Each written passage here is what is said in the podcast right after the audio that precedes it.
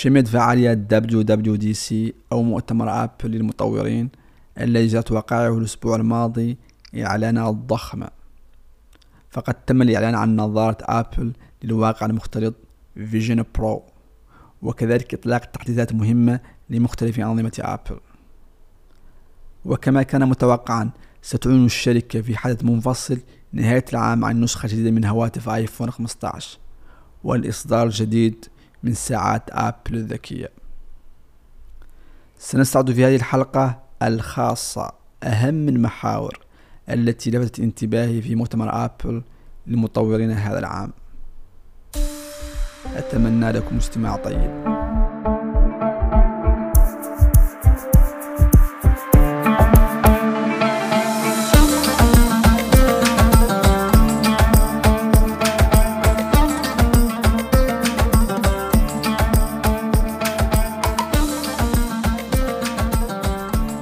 أكبر حدث في مؤتمر أبل لمطورين هذه السنة هو إعلان أبل عن نظاراتها للواقع الافتراضي والمعزز Vision Pro التي طال انتظارها. يقول تيم كوك الرئيس التنفيذي لشركة أبل معلقا على إطلاق الجهاز إن إطلاق Vision Pro يمثل مرحلة جديدة في مجال الحوسبة بشكل مماثل لما قدمته أجهزة ماك في تحقيق تجربة جديدة للكمبيوتر الشخصي وآيفون في تحقيق تجربة جديدة لاستخدام الهواتف الذكية أثناء التنقل. أيضا أبل تدخل مصطلحا جديدا وهو الحوسبة المكانية الغير مقيدة بشاشة أو مكان Spatial Computing.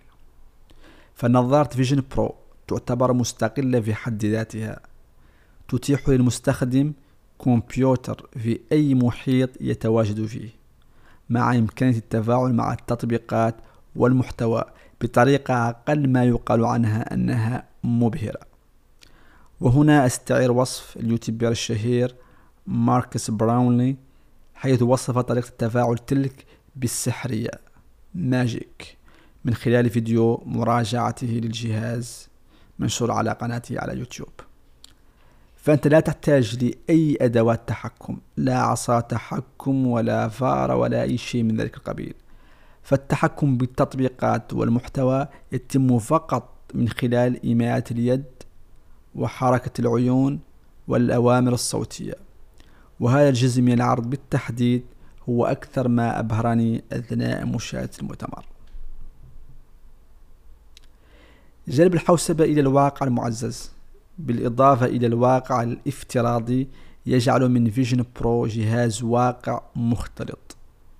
في وصف الحلقة ستجدون الشرح للفروق بين كل تلك التقنيات AR, VR, MR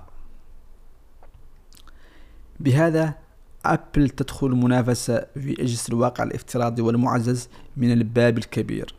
بعد أيام قليلة من إعلان فيسبوك أو ميتا لآخر إصدار من نظارات الواقع الافتراضي والمعزز الخاص بها. Meta Quest 3 أبل تقدم Vision Pro على أنه منتج ثوري بما يوفره من أداء وإمكانيات لا يمكن إلا لشركة أبل توفير منتج مماثل. على حسب ما صرح بذلك تيم كوك. سعر النظارة الغالي والغالي جدا يعكس تلك النظرة. في حين أن نظارات Meta Quest تبدأ من 500 دولار تقريبا و Quest Pro تبدأ من 1000 دولار فإن Apple Vision Pro تبدأ من 3500 دولار. وستكون متاحة في الأسواق في بداية العام القادم. تبرير أبل لهذا السعر الكبير هو أنه بشرائك للنظارة فكأنك تشتري أكثر من منتج داخل النظارة. ستمتلك شاشة عرض 4K كبيرة في نفس الوقت لأنه بإمكانك مشاهدة الصور والفيديوهات بدقة عالية وبأحجام كبيرة جدا داخل النظارة. ستتمكن أيضا من تسجيل فيديوهات وصور ثلاثية الأبعاد باستخدام الكاميرات الموجودة في النظارة وحتى عرض شاشة أجهزة ال Mac الخاصة بك على شاشة عملاقة 4K داخل النظارة. أيضا النظارة تحتوي على 12 كاميرا أي أكثر من كاميرات iPhone 14 Pro Max بثلاث مرات. وسعر iPhone 14 Pro Max يبدأ ب 1100 دولار. أيضا النظارات تحتوي على خمس أجهزة استشعار وست ميكروفونات. لا ننسى أيضا أن برو الموجودة في اسم المنتج تدل على أن فئة المستخدمين المستهدفة هي فئة رجال الأعمال والمطورين.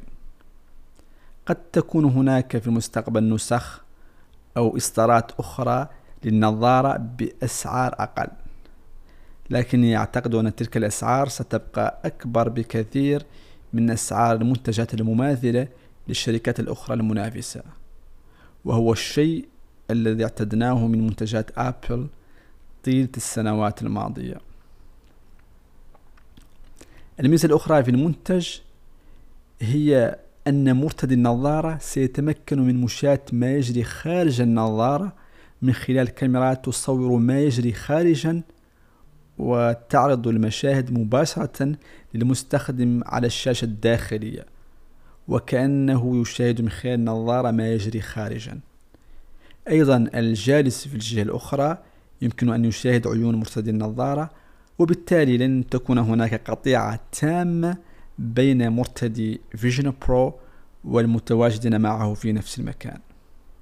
النظارة تأتي مع بطارية خارجية توفر ساعتين من الاستخدام أو يمكن توصيلها بالشاحن مباشرة للاستخدام على مدار اليوم. ساعتين فقط من استخدام تعتبر قليلة لكن من المتوقع أن يتم الزيادة في عمر البطارية في النسخ القادمة. أيضا كما دأبت أبل على تخصيص نظام لكل جهاز على حدة مثلا iOS لأجهزة الآيفون و macOS لأجهزة الكمبيوتر و iPadOS للأجهزة اللوحية فالنظارة تأتي مع نظام جديد باسم visionOS. لتلبية حاجيات مستخدمي النظارة. تم تطوير النظام الجديد ثمرة لعقود من الابتكار والخبرة في مجال أنظمة التشغيل لأجهزة أبل المختلفة كما يقول القائمين عليه.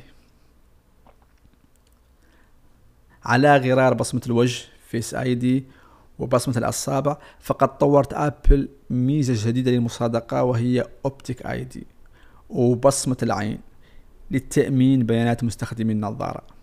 عند ارتداء النظارة تتعرف مباشرة على هوية المستخدم وتمكنه من الوصول إلى التطبيقات والمزايا الأخرى.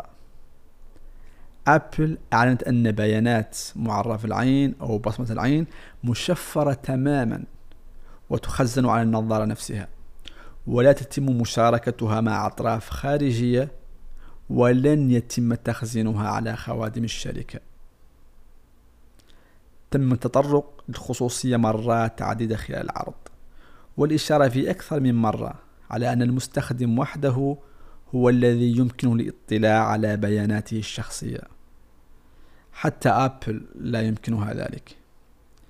قراءتي الشخصية لذلك هو أن تكرار نقطة الأمان والخصوصية في أكثر من موضع يأتي بعد بعض الاتهامات التي طالت الشركة مؤخرا حول انتهاكها للقانون الأوروبي بعد قيامها باستخدام تقنية التتبع IDFA ووضعها في أجهزة الآيفون دون علم المستخدمين أو موافقتهم.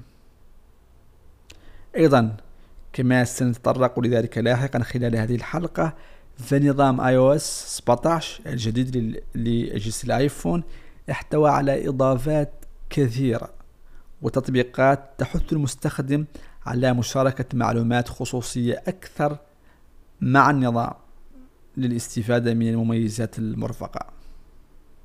ربما أيضا يريدون طمأنة المستخدمين أكثر بخصوص أمان وخصوصية تلك البيانات. تجدر الإشارة أيضا إلى أنه لم يتم ذكر الذكاء الاصطناعي طيلة العرض فقط تم الإشارة إليه ب ML Machine Learning أو تعلم الآلة.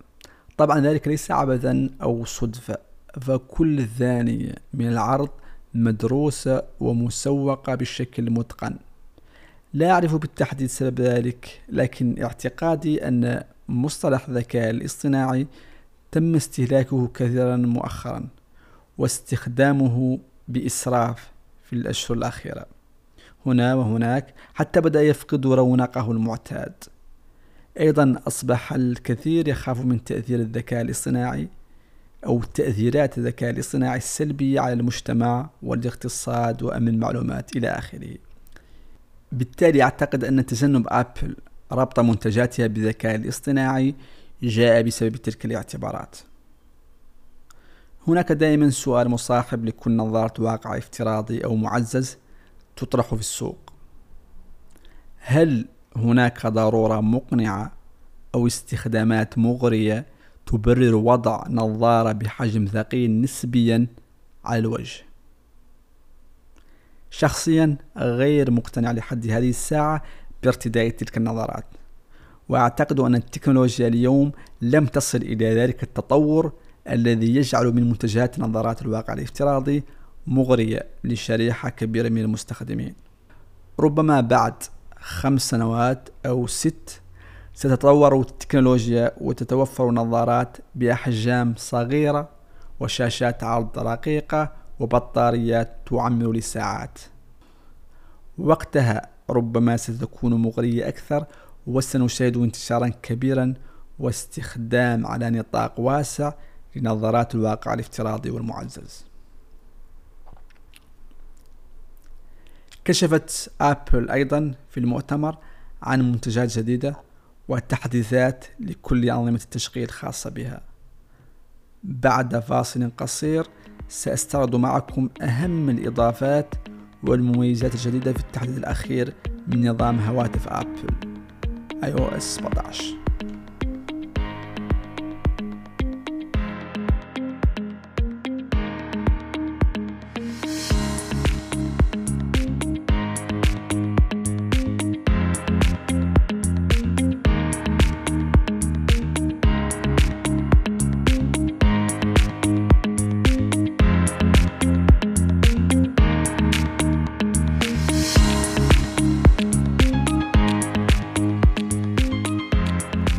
أضافت أبل ميزة جديدة ل AirDrop أطلقت عليها NameDrop. تمكنك من مشاركة اسمك وبياناتك مع الآخرين بسهولة. فقط من خلال وضع أجهزة الأبل بالقرب من بعضها البعض سنتمكن من مشاركة الملصق الخاص بنا الذي يتضمن بياناتنا مع الآخرين كرقم الهاتف والبريد الإلكتروني. أيضا يمكن مشاركة الفيديو والوسائط المختلفة وحتى الاستماع معا ومشاركة قائمة الموسيقى الخاصة بنا مع الآخرين من خلال التحديث الأخير من SharePlay ميزة أخرى مهمة أعلنت عنها أبل في نظام iOS 17 وهي ميزة البريد الصوتي المباشر. لن نكون مضطرين بعد اليوم للانتظار لسماع رسالة متروكة في حالة عدم الرد على المكالمة الواردة وتحويلها إلى البريد الصوتي. ستقوم خاصة النسخ المباشر بتحويل الرسالة الصوتية إلى نص مباشرة أثناء تلقي المكالمة وسيظهر النص على الشاشة بشكل متزامن. بالتالي سنتمكن من أخذ القرار بخصوص الرد على الاتصال إذا رأيناه مهما وعاجلا أو معاودة الاتصال لاحقا. تم أيضا إضافة ميزة النسخ المباشر إلى تطبيق الرسائل حيث ستقوم الميزة الجديدة بتحويل الرسالة الصوتية إلى نص مكتوب. أيضا أصبح بإمكاننا تخصيص ملصقات لجهات الاتصال مع صورة أو رمز تعبيري لإنشاء بطاقة اتصال فريدة يتم عرضها أثناء إجراء المكالمة أو تلقيها ميزة أخرى مهمة وهي ميزة تأكيد الوصول أو التشيكين إذا تأخرت أو لم تعد إلى المنزل فإن تسجيل الوصول سيرسل تنبيها للجهات التي حددتها مسبقا وسيتمكنون من رؤية معلومات مثل موقع جهازك ومستوى البطارية وحالة الخدمة الخلوية للتحديد إذا ما كنت بحاجة للمساعدة هذه إضافة مهمة جدا خاصة لأولئك الأشخاص الذين لديهم أفراد من الأسرة قلقين ويطلبون دائما إعلامهم عند الوصول إلى المنزل بأمان. كانت تلك أبرز الإضافات التي لفتت انتباهي في نظام iOS 17 الذي أعلن عنه في المؤتمر. التحديثات والإضافات على الأنظمة الأخرى كانت بسيطة. نظام macOS الجديد أطلق عليه اسم Sonoma حيث أصبح بالإمكان عرض ال widget على سطح المكتب ليشبه بذلك شاشة الآيفون والآيباد. كان Windows Vista هو أول من سمح باستخدام إلصاق ال widget على سطح المكتب إن لم تخن الذاكرة. ال widget أيضا أصبحت تفاعلية في نظام iPadOS 17 حيث أصبح بالإمكان عرض وظائف ال widget مباشرة دون الحاجة لفتح تطبيقها. تم أيضا توفير برنامج الصحة أخيرا على الآيباد بعدما كان حصرا لأجهزة الآيفون. أما بخصوص نظام ساعة أبل الذكية فكعادتها كل سنة قامت أبل بإضافة وجوه جديدة للساعة. لكن الميزة الأهم هي الطريقة الجديدة لعرض الويدجت على الشاشة مع إمكانية التنقل بين مختلف الويدجت بشكل سلس. تم أيضا إضافة رياضات أخرى للساعة وتوفير بيانات تساعد على تحسين الرياضات المختلفة.